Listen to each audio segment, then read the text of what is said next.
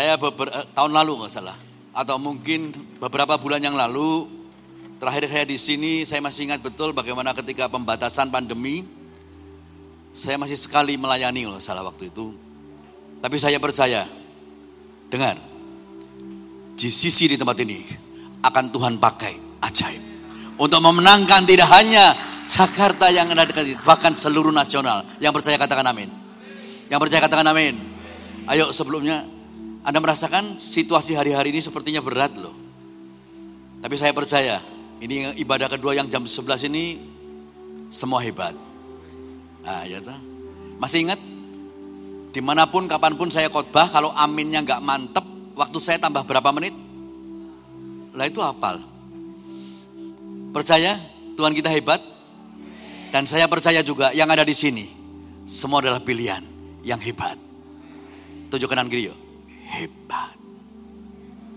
Amin.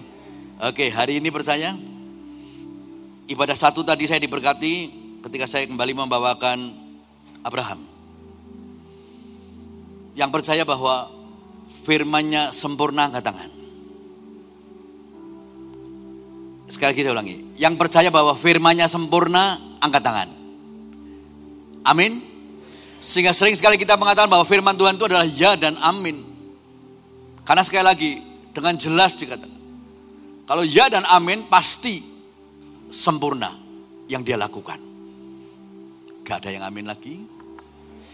Amin. Ayo Roma 9, 28. Satu ayat ini baca bersama dengan suara yang keras yuk. Dua, tiga. Sebab apa yang telah difirmankannya akan dilakukan Tuhan di atas bumi sempurna dan segera. Yang setuju katakan amin. Dengan jelas firmannya akan dilakukan Tuhan di atas bumi ini. Koma. Sama-sama dengan hambanya katakan yuk sempurna. Yang mantap yuk sempurna. Percaya janji firman Tuhan itu sempurna. Dia nggak pernah tidak mendapati janjinya. Tapi ada di akhiri dengan kata-kata dan segera. Segera ini kapan ya? Bu. ya, ya. Dulu saya di bisnis bioskop sebelum di tekstil. Saya di hiburan dulu. Saya ketika di uh, mau tayang bioskop dulu saya masih ingat betul ada untuk malam ini ada tulisannya malam ini. Tumor, oh, untuk besok adalah besok malam. Yang akan datang adalah gitu. Yang jauh lagi adalah segera. Segera, segera ini acap kali kita nggak ngerti loh. Kapan ya segera itu? Kayak hari-hari ini percaya bahwa entah nanti pandemi akan menjadi satu endemi kita nggak tahu. Tapi percaya bahwa badai ini akan berlalu. Kapan itu? Sama-sama dengan hambanya katakan segera. Amin. Tapi untuk mendapatkan segera ini acap kali sepertinya masuk sesuatu hal yang tidak nyaman loh. Saya di bisnis, terakhir ke sini nggak usah saya kesaksian ketika tambah lagi ketika pandemi terjadi covid, krisis terjadi, gudang saya terbakar. Saya masih ingat betul, hampir tahun yang lalu saya berikan kesaksian di sini. Hari-hari ini sepertinya melalui ini kok beratnya. Tapi saya percaya sekali lagi, janji Syaf tidak akan pernah berubah kok, tetap sempurna kok. Amin. Amin. Ayo belajar yuk. Dari seorang nabi yang luar biasa ini. Nabi besar dikatakan. Yang pernah melawan 450 nabi Baal. 400 nabi Asyera. Elia namanya. Ayo, ketika kekeringan terjadi, ketika hari ini mungkin Anda mengatakan, Pak, kering, kerontang, nggak ngerti. Segeranya itu kapan? Yuk bantu saya dulu yuk. Di dalam satu Raja-Raja 18, Ayat yang pertama. Saya akan bacakan.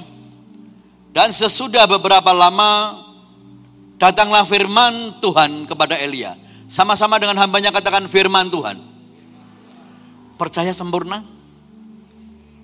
Aduh, udah lupa lagi yang belah sini. Coba. Lima menit, mas. Sempurna, amin? Ayo.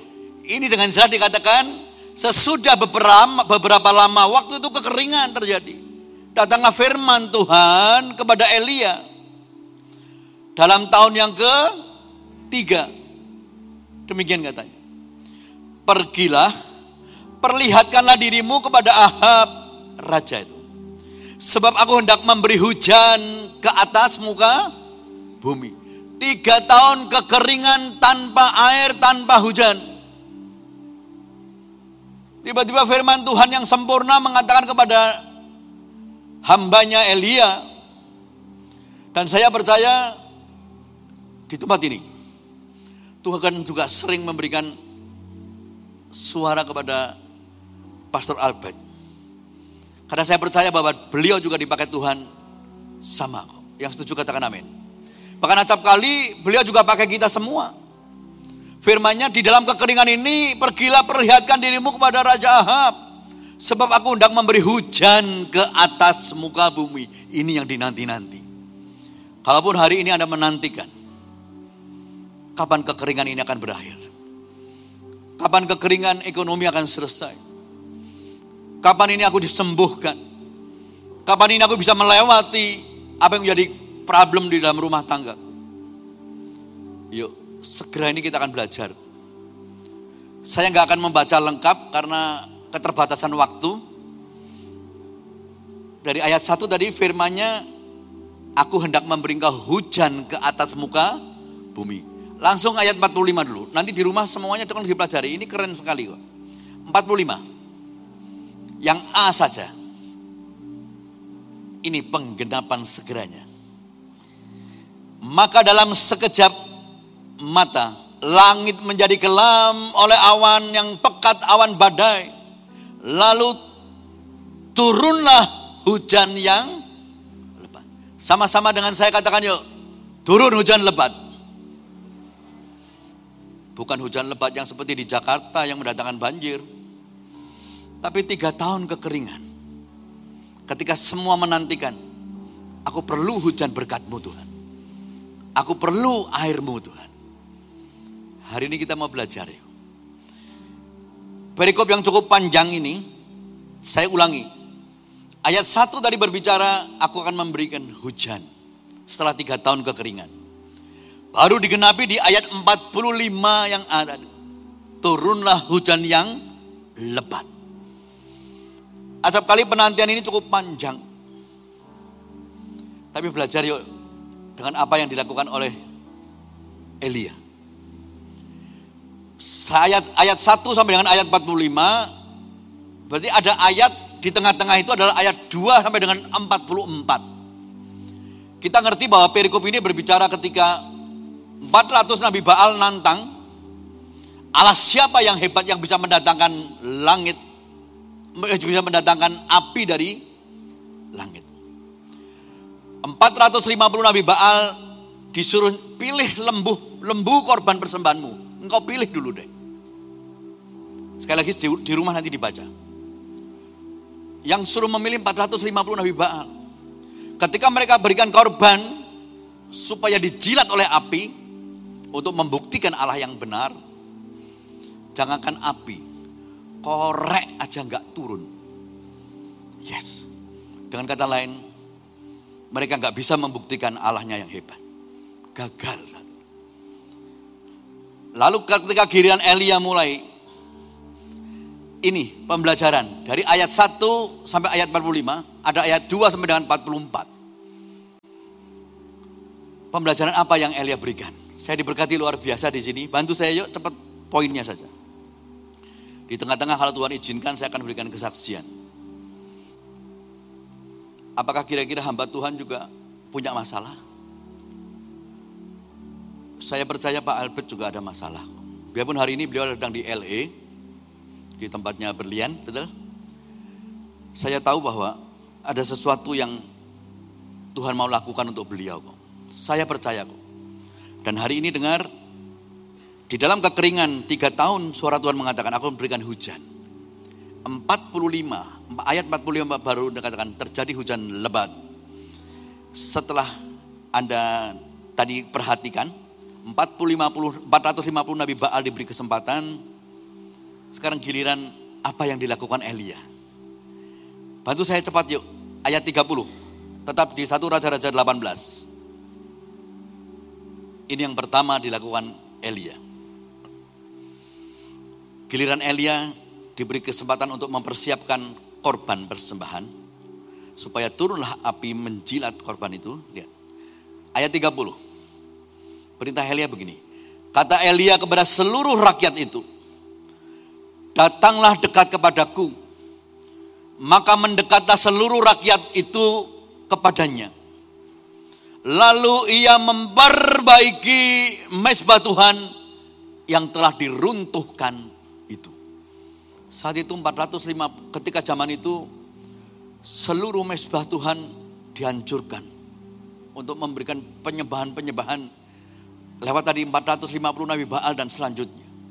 Sekali lagi, tadi dibaca ayat 30 dengan jelas, datanglah dekat kepadaku setelah dikumpulkan rakyat, maka mereka mendekat seluruh rakyat kepada Elia. Lalu ia memperbaiki mesbah Tuhan. Sama-sama dengan hambanya katakan yuk, memperbaiki mesbah Tuhan. Yang semangat yuk, memperbaiki mesbah Tuhan. Apa artinya itu? Apa artinya mesbah? Satu tempat, satu mesbah, satu tempat, satu satu area, satu tempat untuk kita bersekutu dengan Tuhan. Termasuk di gereja ini ada satu juga mesbah Tuhan. Yang setuju katakan amin. Yang setuju katakan amin. Termasuk hubungan pribadi kita dengan Tuhan seperti apa ya? Ayo. Jangan-jangan karena beratnya hari-hari yang lalu dalam kekeringan di dalam situasi pandemi, hubungan saya dengan Tuhan jangan-jangan terputus loh. Jangan-jangan saya sudah males lagi datang ibadah. Jangan-jangan saya ini sudah takut lagi datang ibadah.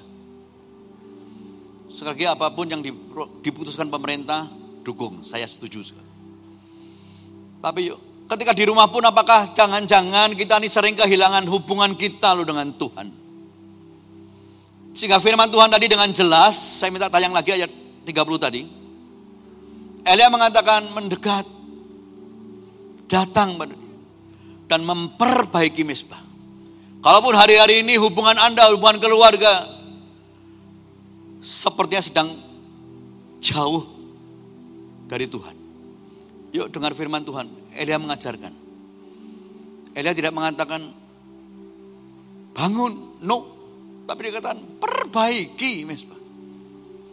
Hubunganmu yang sempat retak, sempat terputus, sempat mungkin sudah enggak serius lagi, yuk hari ini berubah. Anda dengar tadi pengumuman bahwa di gereja ini sedang membutuhkan untuk membangun ruang untuk sekolah minggu. Saya percaya Pak Albert sedang mendengar bahwa perbaiki mesbah untuk anak-anak kecil juga boleh berhubungan dengan saya. Hari ini simple kok. Satu kesaksian bahwa di gereja ini memperbaiki mesbah hubungan dengan Tuhan. Saya mohon maaf mungkin ini berlian nggak tahu online anu ini live streaming nggak? Walaupun di LA berlian mendengarkan saya masih ingat betul ketika pertama kali jumpa beliau adik Bu Gembala ya. Masih di gereja yang kecil yang di bawah. Ketika saya khotbah pertama masih ada yang ingat cerita saya tentang cewek yang wajahnya biasa-biasa saja sampai usia 35 tahun nggak menikah-nikah akhirnya cemberut. Kemudian gembalanya memanggil, mana sukacitamu, mana hubungan baikmu dengan Tuhan. Dia punya cita-cita dengan wajah yang pas-pasan. Sementara dia tinggal sendiri yang teman-temannya sudah menikah. Gembalanya mengatakan, ayo hubungi perbaikanmu dengan Tuhan. Perbaiki hubungan. Ayo sembah dia. Oh boleh dong, ngomong apa yang menjadi syarat. Engkau kau pengen pacar seperti apa? Saya masih ingat betul ketika saya membawakan kesaksian ini di gereja kecil. Berlian kalau nggak duduk paling depan sebelah kanan dari mimbar saya. Saat itu berlian di depan paling depan. Saya bersaksi, saya nggak ngerti saat itu saya nggak ngelihat dia jalan dan sebagainya. Saya mengatakan bahwa sampai akhirnya suasana si yang saya ambilkan kesaksian ini di ibadah Natal penuh sesak akhirnya datang dia ingin diberi buli. Sehingga setiap menyembah dia ingat, ingat ngomong dengan Tuhan, apa yang kau inginkan. Aku kepengen dapat pacar bule katanya. Dia memang setiap menyembah, ayo setiap ngomong, ngomong dengan Tuhan, yuk bule, bule, bule. Setelah menyembah, haleluya, dia bilang bule, bule, bule. Singkat cerita akhirnya kesaksian itu yang saya ini kejadian betul juga, benar-benar terjadi. Cewek itu dapat pasangan orang Inggris dengan tiga orang anak yang cakep-cakep, sekarang hidup di Inggris. Singkat cerita, selesai kesaksian itu, selesai ibadah waktu itu di bawah, jemaat keluar, saya lihat berlian sedang menangis. Sambil menangis, saya mau turun, saya mau dekatin beliau. Saya mohon maaf, saya mohon maaf. Tapi sekali lagi, kalaupun berlian mendengarkan kesaksian ini, pasti dia akan mengiyakan saya akan debut, dia berjalan, saya kaget. Ketika saya mohon maaf, dia pincang. Benar? Dia menangis di hadapan saya, dia berkata, Pak oh Matius, kalaupun saya ingin bule, apa mungkin dengan fisik saya yang seperti ini, saya berdoa, yes, apa sih yang mustahil? Saat itu beliau menangis dengan keras. Saya ingat betul. Yes. Saat itu mungkin beberapa bulan kemudian saya dipanggil lagi, masih ada belian di situ. Dia bilang, apa mungkin om? Saya bilang, iya. Saya kok sepertinya sudah mulai frustasi, sudah mulai capek. Beberapa saat tahun kemudian saya dengar dari Bapak Gembala kalau berlian ke Amerika. Saya nggak menyangka bahwa ini akan terjadi. Sehingga suatu saat pagi-pagi saya masih ingat betul berlian titip pesan kepada lewat Pak Albert. Pagi-pagi saya di WhatsApp diberitahu oleh Pak Albert, Pak Matius diundang di dalam pemberkatan nikah berlian di Amerika.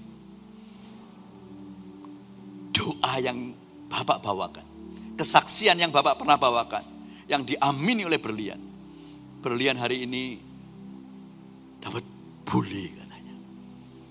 Benar kesaksian saya? Sekali lagi dengar. Apakah saat itu hanya terpuruk saja berlian? No. Saya dengar uh, kisah berlian di sana dia dengan saya membayangkan dengan fisik beliau maju jadi singer raja. Saya membayangkan bagaimana ketika dia naik ke ke mimbar. Tapi kita mau belajar yuk. Saya percaya dia itu ingin terus memperbaiki mesbah hubungan dengan Tuhan. Amin. Anda juga mau? Aduh, ngantuk semua. Anda juga mau? Amin. Kalaupun hari-hari ini Anda jauh. Kalaupun hari-hari ini Anda mengatakan aku sudah capek. Yuk. Elia ajarkan. Perbaiki hubunganmu. Perbaiki mesbahmu dengan Tuhan. Yang mau berikan tepuk tangan yuk.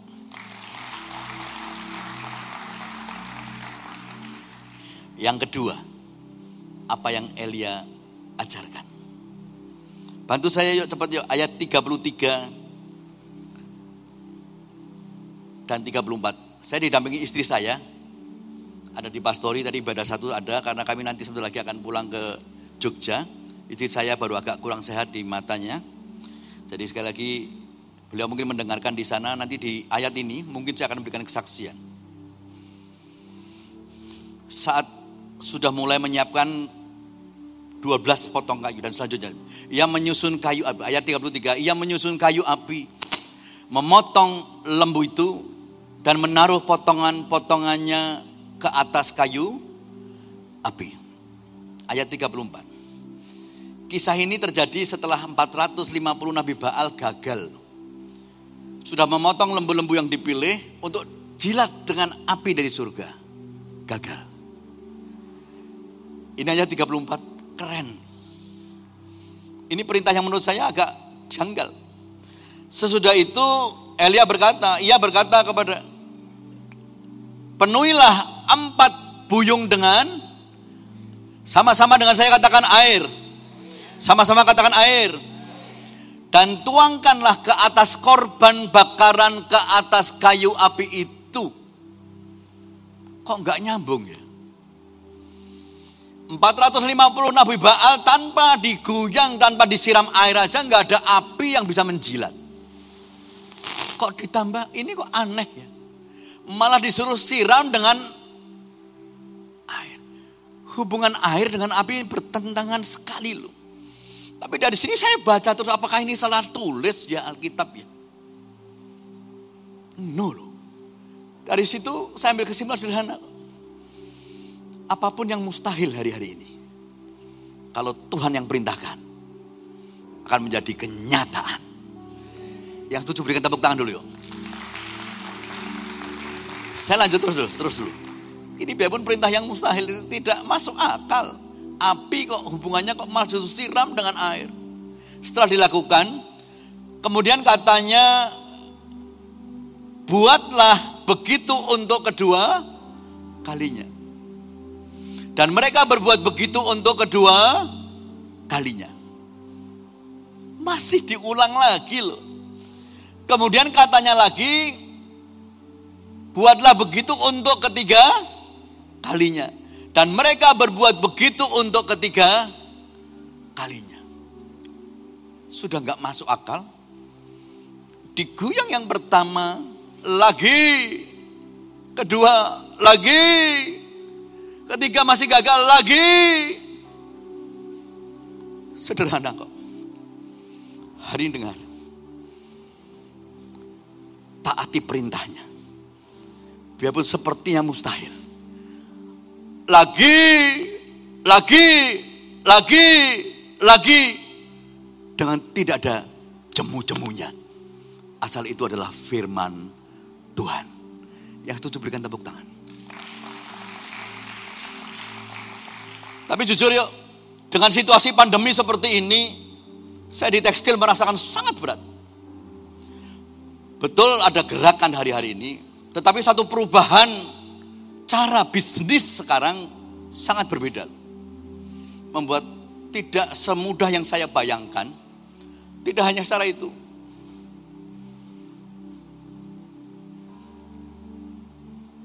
beberapa bulan yang lalu untuk lagi melayanimu Tuhan. Untuk terus melayanimu Tuhan. Aku kok capek Tuhan. Tepatnya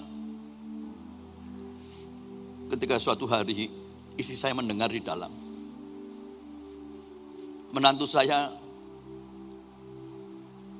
datang kepada kami dia ngomong sama istri saya dan saya, Pi, menantu saya dengan dua anak. Saya dapat dua cucu dari anak saya yang laki ini. Datang menantu saya. Pi,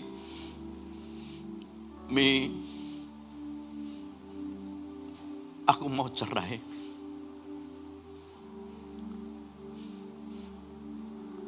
Saat itu saya nggak ngerti.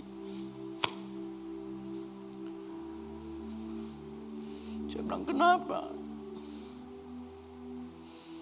Anak saya jatuh. Anak saya berbisnis di properti.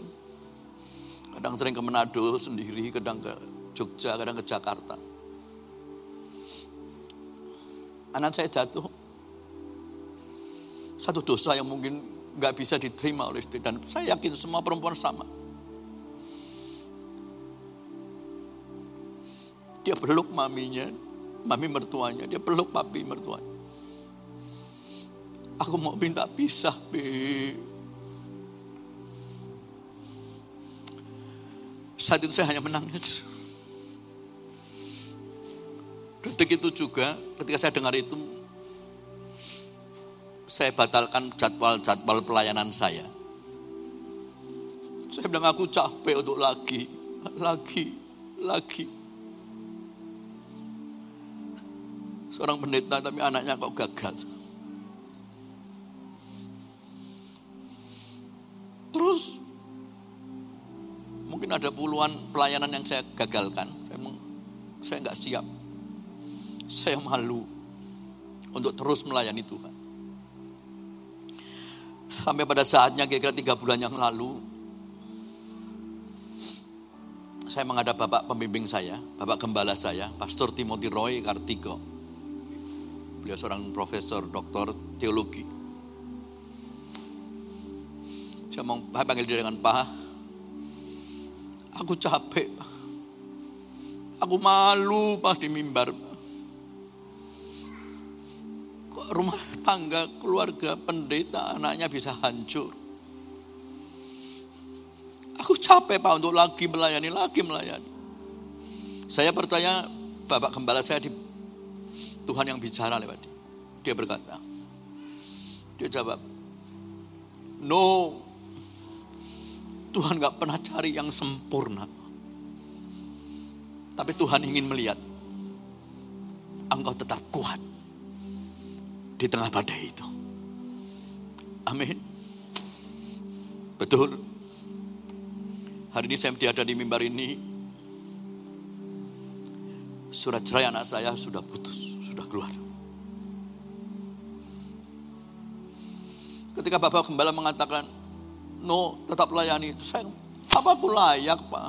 Sekali lagi, yang kau layani bukan manusia. Yang kau layani adalah Tuhan. Seketika saya sujud.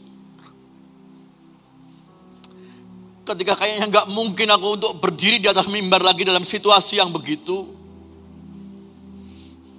Saya diberkati lewat ayat tadi. Tidak masuk akal, akal loh. Api dengan air.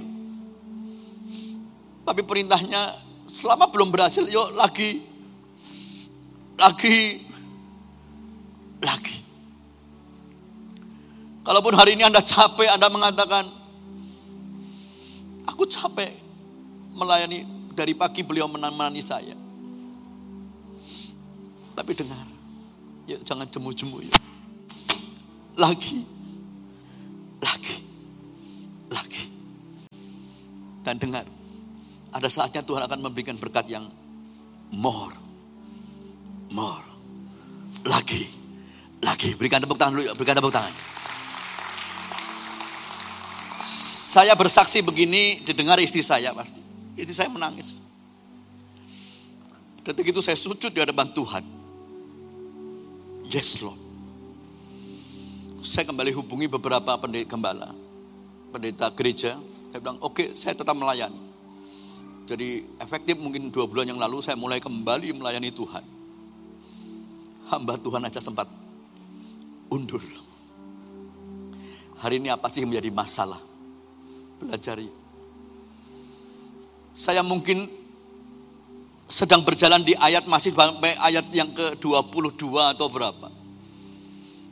Ketika firmannya katakan kau akan diberkati, akan turun hujan. Tergenapi di ayat 45. Mungkin saya baru berjalan di tengah-tengah pasal ini. Hari ini saya masih berdoa kok. Saya masih percaya kok. Ending akhirnya keluarga anak saya. Tuhan akan pulihkan. Aku gak akan goyah kok. Aku akan terus melayani Tuhan. Aku tulus Tuhan untuk engkau Tuhan. Amin. Hari ini dengar yuk. Saya nggak tahu sekarang di mana sebelum kita sampai di ayat 45 penggenapan tadi. Tapi belajar yuk tadi perintahnya. Yang tidak masuk akal untuk disatukan kembali. Saya masih percaya janji Tuhan. Yang setuju berikan tepuk tangan, berikan tepuk tangan, berikan tepuk tangan. Amin. Amin. Saya mohon maaf untuk ibadah dua saya agak terlalu emosional. Ibadah satu tadi saya saya membawa Abraham cukup mengalir. Dan ibadah kedua, saya minta kesaksian saya itu jadi apa sih yang saya nggak ngerti apa yang menjadi masalah masing-masing. Seorang hamba Tuhan, ketika menghadapi ekonomi yang sedang berat, ditambah lagi kejadian seperti ini. Tapi dengar ayat ini, lagi, lagi, lagi, lagi, lagi untuk dia. Tepuk tangan sekali lagi yuk. Pemain musik mau lagi? Terus untuk dia. Amin. Amin. Orang akan mengolok-olok engkau. Ah, cari muka. Muka padahal nggak usah dicari, sudah nempel di sini. Tapi banyak orang yang suka mengolok-olok. Tapi hari ini percaya yuk. ketidak apa pun ketidaknyaman ketika engkau melayani Tuhan. Ketika engkau terus memperbaiki mesbahmu dengan Tuhan. Lagi, lagi, lagi. Tidak usah cemu-cemu. Yang setuju berikan tepuk tangan. Haleluya. Saya tutup di sini ayat yang terakhir. Amin. Ini ayat yang paling disenangi oleh jemaat. Begitu pendeta ngomong yang terakhir, langsung tarik nafas, puji Tuhan.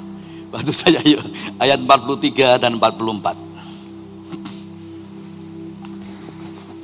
Kemudian setelah persembahan macam-macam, nanti di rumah dibaca lengkap, saya waktu ini ya. Jadi untuk mempersingkat, kemudian dia menyuruh bujangnya. Setelah itu ia berkata kepada bujangnya, naiklah ke atas gunung, ke atas, lihatlah ke arah laut.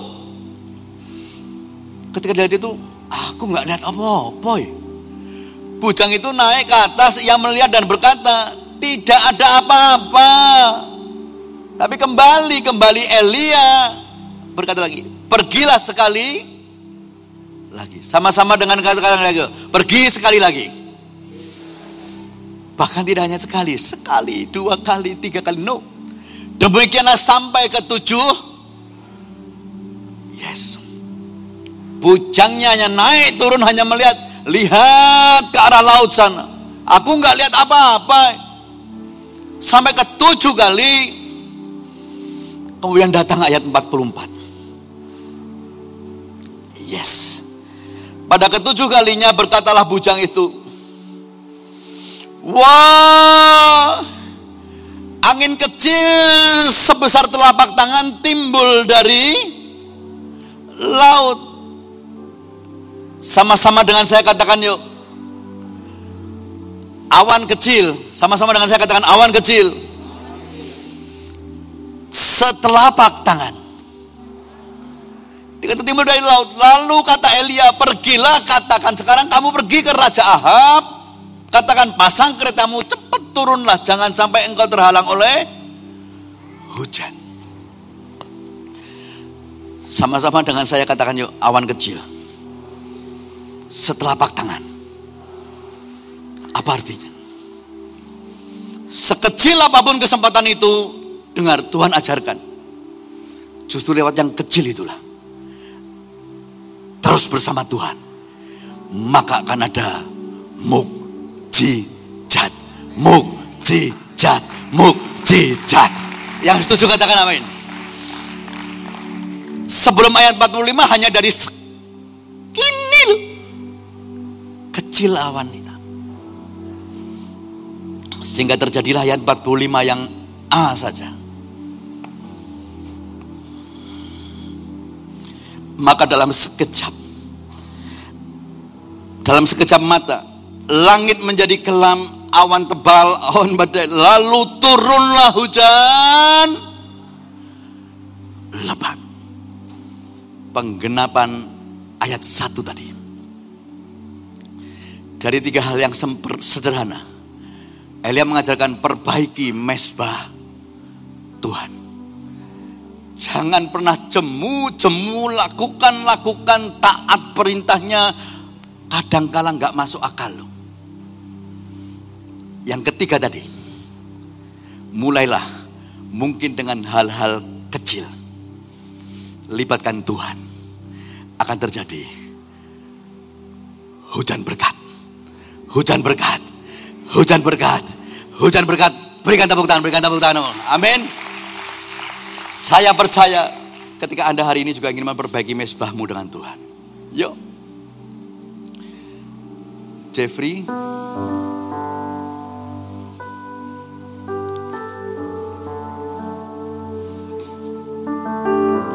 Hari ini Anda dengar kesaksian hambanya. Saya sempat kecewa. Saya sempat undur Aku gak layak melayani. Tapi lewat Elia ini aku belajar. Lagi. Lagi. Jeffrey, apa pun yang terjadi, jangan pernah undur dari Tuhan. More. Lagi. Lagi. Lagi. Semua yang hadir. Perbaiki hubunganmu dengan Tuhan. Mungkin Anda pernah tinggalkan dia, Anda lupakan dia, Anda mungkin abaikan dia. Bahkan aku malas melayani seperti hambanya. Hari ini berubah yuk. Berikan segalanya untuk dia. Yuk. Perbaiki mesbahmu dengan dia. Ayo berikan hatiku, berikan jiwa. Ya, sepertinya sudah mulai frustasi, sudah mulai capek.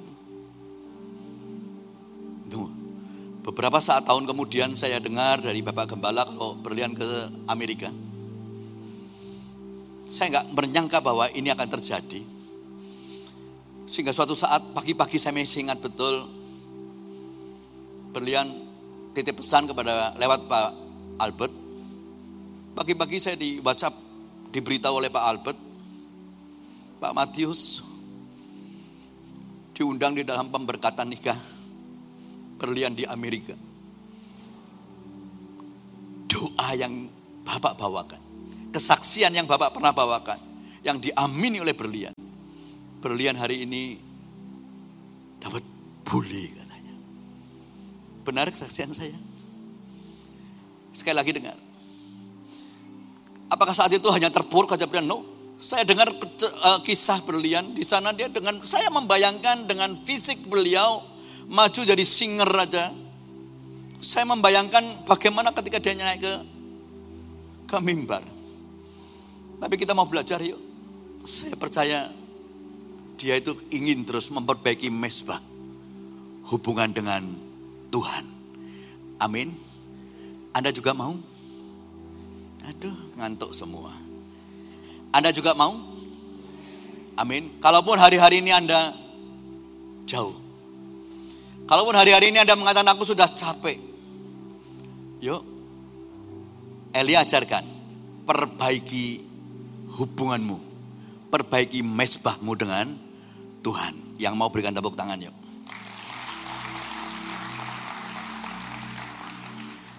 Yang kedua, apa yang Elia ajarkan? Bantu saya yuk cepat yuk ayat 33 dan 34. Saya didampingi istri saya, ada di pastori tadi ibadah satu ada karena kami nanti sebentar lagi akan pulang ke Jogja. Istri saya baru agak kurang sehat di matanya. Jadi sekali lagi beliau mungkin mendengarkan di sana nanti di ayat ini mungkin saya akan memberikan kesaksian. Saat sudah mulai menyiapkan 12 potong kayu dan selanjutnya ia menyusun kayu api ayat 33 ia menyusun kayu api memotong lembu itu dan menaruh potongan-potongannya ke atas kayu api. Ayat 34. Kisah ini terjadi setelah 450 Nabi Baal gagal. Sudah memotong lembu-lembu yang dipilih untuk jilat dengan api dari surga. Gagal. Ini ayat 34 keren. Ini perintah yang menurut saya agak janggal. Sesudah itu Elia berkata, ia berkata kepada Penuhilah empat buyung dengan sama-sama dengan saya katakan air. Sama-sama katakan air. Dan tuangkanlah ke atas korban bakaran ke atas kayu api itu. Kok enggak nyambung ya? 450 Nabi Baal tanpa diguyang, tanpa disiram air aja nggak ada api yang bisa menjilat. Kok ditambah, ini kok aneh ya malah disuruh siram dengan air. Hubungan air dengan api bertentangan sekali loh. Tapi dari sini saya baca terus apakah ini salah tulis ya Alkitab ya? No loh. Dari situ saya ambil kesimpulan sederhana. Apa pun yang mustahil hari-hari ini. Kalau Tuhan yang perintahkan. Akan menjadi kenyataan. Yang setuju berikan tepuk tangan dulu yuk. Saya lanjut terus dulu, terus dulu. Ini biarpun perintah yang mustahil tidak masuk akal. Api kok hubungannya kok malah justru siram dengan air. Setelah dilakukan, kemudian katanya buatlah begitu untuk kedua kalinya. Dan mereka berbuat begitu untuk kedua kalinya. Masih diulang lagi loh. Kemudian katanya lagi Buatlah begitu untuk ketiga kalinya. Dan mereka berbuat begitu untuk ketiga kalinya. Sudah nggak masuk akal. Diguyang yang pertama, lagi. Kedua, lagi. Ketiga masih gagal, lagi. Sederhana kok. Hari ini dengar. Taati perintahnya. Biarpun sepertinya mustahil. Lagi, lagi, lagi, lagi. Dengan tidak ada jemu-jemunya. Asal itu adalah firman Tuhan. Yang setuju berikan tepuk tangan. Tapi jujur yuk, dengan situasi pandemi seperti ini, saya di tekstil merasakan sangat berat. Betul ada gerakan hari-hari ini, tetapi satu perubahan cara bisnis sekarang sangat berbeda. Membuat tidak semudah yang saya bayangkan. Tidak hanya secara itu.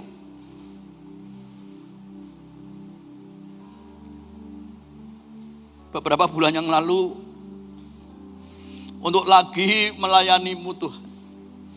Untuk terus melayanimu Tuhan. Aku kok capek Tuhan.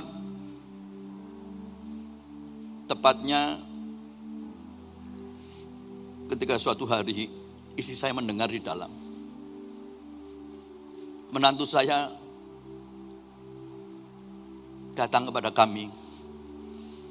Dia ngomong sama istri saya dan saya, Pi,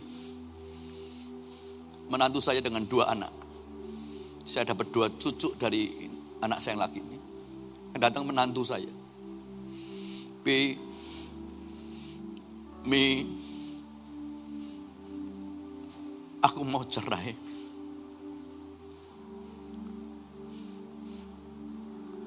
Saat itu saya nggak ngerti. Saya bilang, kenapa? Anak saya jatuh. Anak saya berbisnis di properti. Kadang sering ke Manado sendiri, kadang ke Jogja, kadang ke Jakarta. Anak saya jatuh. Satu dosa yang mungkin nggak bisa diterima oleh istri. Dan saya yakin semua perempuan sama. Dia peluk maminya, mami mertuanya, dia peluk papi mertuanya. Aku mau minta pisah, Bi. Saat itu saya hanya menangis. Detik itu juga ketika saya dengar itu saya batalkan jadwal-jadwal pelayanan saya. Saya bilang aku capek untuk lagi, lagi, lagi. Seorang pendeta tapi anaknya kok gagal. Terus mungkin ada puluhan pelayanan yang saya gagalkan. Memang saya nggak siap. Saya malu untuk terus melayani Tuhan.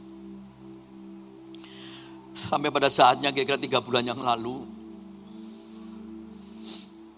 saya menghadap Bapak pembimbing saya, Bapak Gembala saya, Pastor Timothy Roy Kartiko. Beliau seorang profesor, doktor teologi. Saya mau panggil dia dengan Pak. Aku capek. Aku malu Pak di mimbar. Kok rumah tangga, keluarga, pendeta, anaknya bisa hancur. Aku capek Pak untuk lagi melayani, lagi melayani. Saya percaya Bapak Gembala saya di Tuhan yang bicara lewat dia. Dia berkata, dia jawab, no, Tuhan gak pernah cari yang sempurna.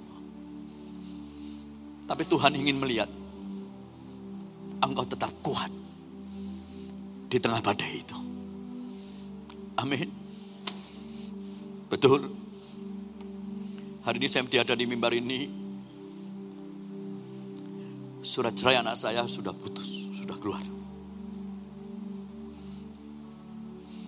Ketika Bapak Gembala mengatakan, no tetap layani itu, saya apa aku layak Pak? Sekali lagi, yang kau layani bukan manusia. Yang engkau layani adalah Tuhan. Seketika saya sujud. Ketika kayaknya nggak mungkin aku untuk berdiri di atas mimbar lagi dalam situasi yang begitu. Saya diberkati lewat ayat ini. Tidak masuk akal, akal loh. Api dengan air. Tapi perintahnya selama belum berhasil, yuk lagi. Lagi. Lagi. Kalaupun hari ini Anda capek, Anda mengatakan, aku capek melayani dari pagi beliau menemani saya. Tapi dengar, yuk jangan jemu-jemu yuk.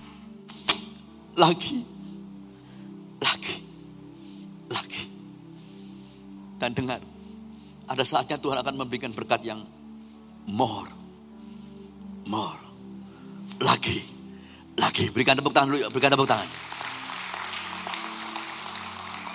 Saya bersaksi begini didengar istri saya pasti. Istri saya menangis. Detik itu saya sujud di hadapan Tuhan. Yes Lord. Saya kembali hubungi beberapa pendeta gembala, pendeta gereja. Saya bilang, oke okay, saya tetap melayani. Jadi efektif mungkin dua bulan yang lalu saya mulai kembali melayani Tuhan. Hamba Tuhan aja sempat undur. Hari ini apa sih yang menjadi masalah? Pelajari. Saya mungkin sedang berjalan di ayat masih sampai ayat yang ke-22 atau berapa. Ketika firmannya katakan engkau akan diberkati, akan turun hujan. Tergenapi di ayat 45. Mungkin saya baru berjalan di tengah-tengah pasal ini. Hari ini saya masih berdoa kok. Saya masih percaya kok ending akhirnya keluarga anak saya Tuhan akan pulihkan. Aku gak akan goyah. Aku akan terus melayani Tuhan. Aku tulus Tuhan untuk engkau Tuhan. Amin. Hari ini dengar yuk. Saya nggak tahu sekarang di mana sebelum kita sampai di ayat 45 penggenapan tadi. Tapi belajar yuk tadi perintahnya. Yang tidak masuk akal untuk disatukan kembali saya masih percaya janji Tuhan. Yang setuju berikan tepuk tangan, berikan tepuk tangan, berikan tepuk tangan. Amin. Amin. Saya mohon maaf untuk ibadah dua saya agak terlalu emosional. Ibadah satu tadi saya saya membawa Abraham cukup mengalir. Dan ibadah kedua saya minta kesaksian saya itu jadi apa sih yang saya nggak ngerti apa yang menjadi masalah masing-masing. Seorang hamba Tuhan ketika menghadapi ekonomi yang sedang berat. Ditambah lagi kejadian seperti ini. Tapi dengar ayat ini. Lagi, lagi, lagi, lagi, lagi untuk dia. Tepuk tangan sekali lagi yuk. Pemain musik mau lagi? Terus untuk dia. Amin. Amin. Orang akan mengolok-olok engkau mungkin. Ah, cari muka. Muka padahal nggak usah dicari, sudah nempel di sini. Tapi banyak orang yang suka mengolok-olok. Tapi hari ini percaya yuk. Ketidak apa pun ketidaknyaman ketika engkau melayani Tuhan. Ketika engkau terus memperbaiki mesbahmu dengan Tuhan. Lagi, lagi, lagi. Tidak usah cemu-cemu. Yang setuju berikan tepuk tangan. Haleluya. Saya tutup di sini ayat yang terakhir. Amin. Ini ayat yang paling disenangi oleh jemaat. Begitu pendeta ngomong yang terakhir, langsung tarik nafas, puji Tuhan. Bantu saya yuk, ayat 43 dan 44. Kemudian setelah persembahan macam-macam, nanti di rumah dibaca lengkap saya waktu ini ya. Jadi untuk mempersingkat, kemudian dia menyuruh bujangnya. Setelah itu ia berkata kepada bujangnya, naiklah ke atas gunung, ke atas lihatlah ke arah laut. Ketika dilihat itu, aku nggak lihat apa-apa ya. Bujang itu naik ke atas, ia melihat dan berkata, tidak ada apa-apa. Tapi kembali, kembali Elia berkata lagi, pergilah sekali lagi. Sama-sama dengan kata-kata lagi, pergi sekali lagi. Bahkan tidak hanya sekali, sekali, dua kali, tiga kali. No. Demikianlah sampai ke tujuh. Yes. Bujangnya hanya naik turun hanya melihat. Lihat ke arah laut sana. Aku nggak lihat apa-apa. Sampai ke tujuh kali. Kemudian datang ayat 44. Yes. Pada ketujuh kalinya berkatalah bujang itu. Wah, angin kecil sebesar telapak tangan timbul dari laut. Sama-sama dengan saya katakan yuk. Awan kecil, sama-sama dengan saya katakan awan kecil. Setelapak tangan. Dikata timbul dari laut. Lalu kata Elia, pergilah katakan sekarang kamu pergi ke Raja Ahab. Katakan pasang keretamu cepat turunlah. Jangan sampai engkau terhalang oleh hujan. Sama-sama dengan saya katakan yuk awan kecil. Setelapak tangan. Apa artinya? Sekecil apa pun kesempatan itu, dengar Tuhan ajarkan. Justru lewat yang kecil itulah. Terus bersama Tuhan. Maka akan ada mukjizat. Mukjizat. Mukjizat. Yang setuju katakan amin. Sebelum ayat 45 hanya dari ini. Kecil awan. Sehingga terjadilah ayat 45 yang A saja. Maka dalam sekejap, dalam sekejap mata, langit menjadi kelam, awan tebal, awan badai, lalu turunlah hujan lebat. Penggenapan ayat satu tadi. Dari tiga hal yang sederhana Elia mengajarkan perbaiki mesbah Tuhan. Jangan pernah jemu, jemu, lakukan, lakukan taat perintahnya. Kadang-kala nggak masuk akal loh. Yang ketiga tadi, mulailah mungkin dengan hal-hal kecil. Libatkan Tuhan. Akan terjadi hujan berkat. Hujan berkat. Hujan berkat Hujan berkat, berikan tepuk tangan, berikan tepuk tangan. Amin. Saya percaya ketika Anda hari ini juga ingin memperbaiki mesbahmu dengan Tuhan. Yuk. Jeffrey.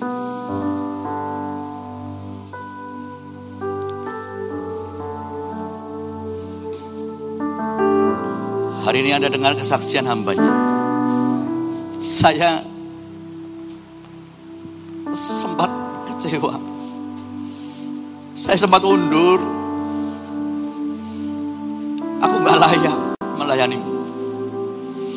Tapi lewat Elia ini aku belajar. Lagi. Lagi. Jeffrey, apa pun yang terjadi, jangan pernah undur dari Tuhan. Maju. Mohon.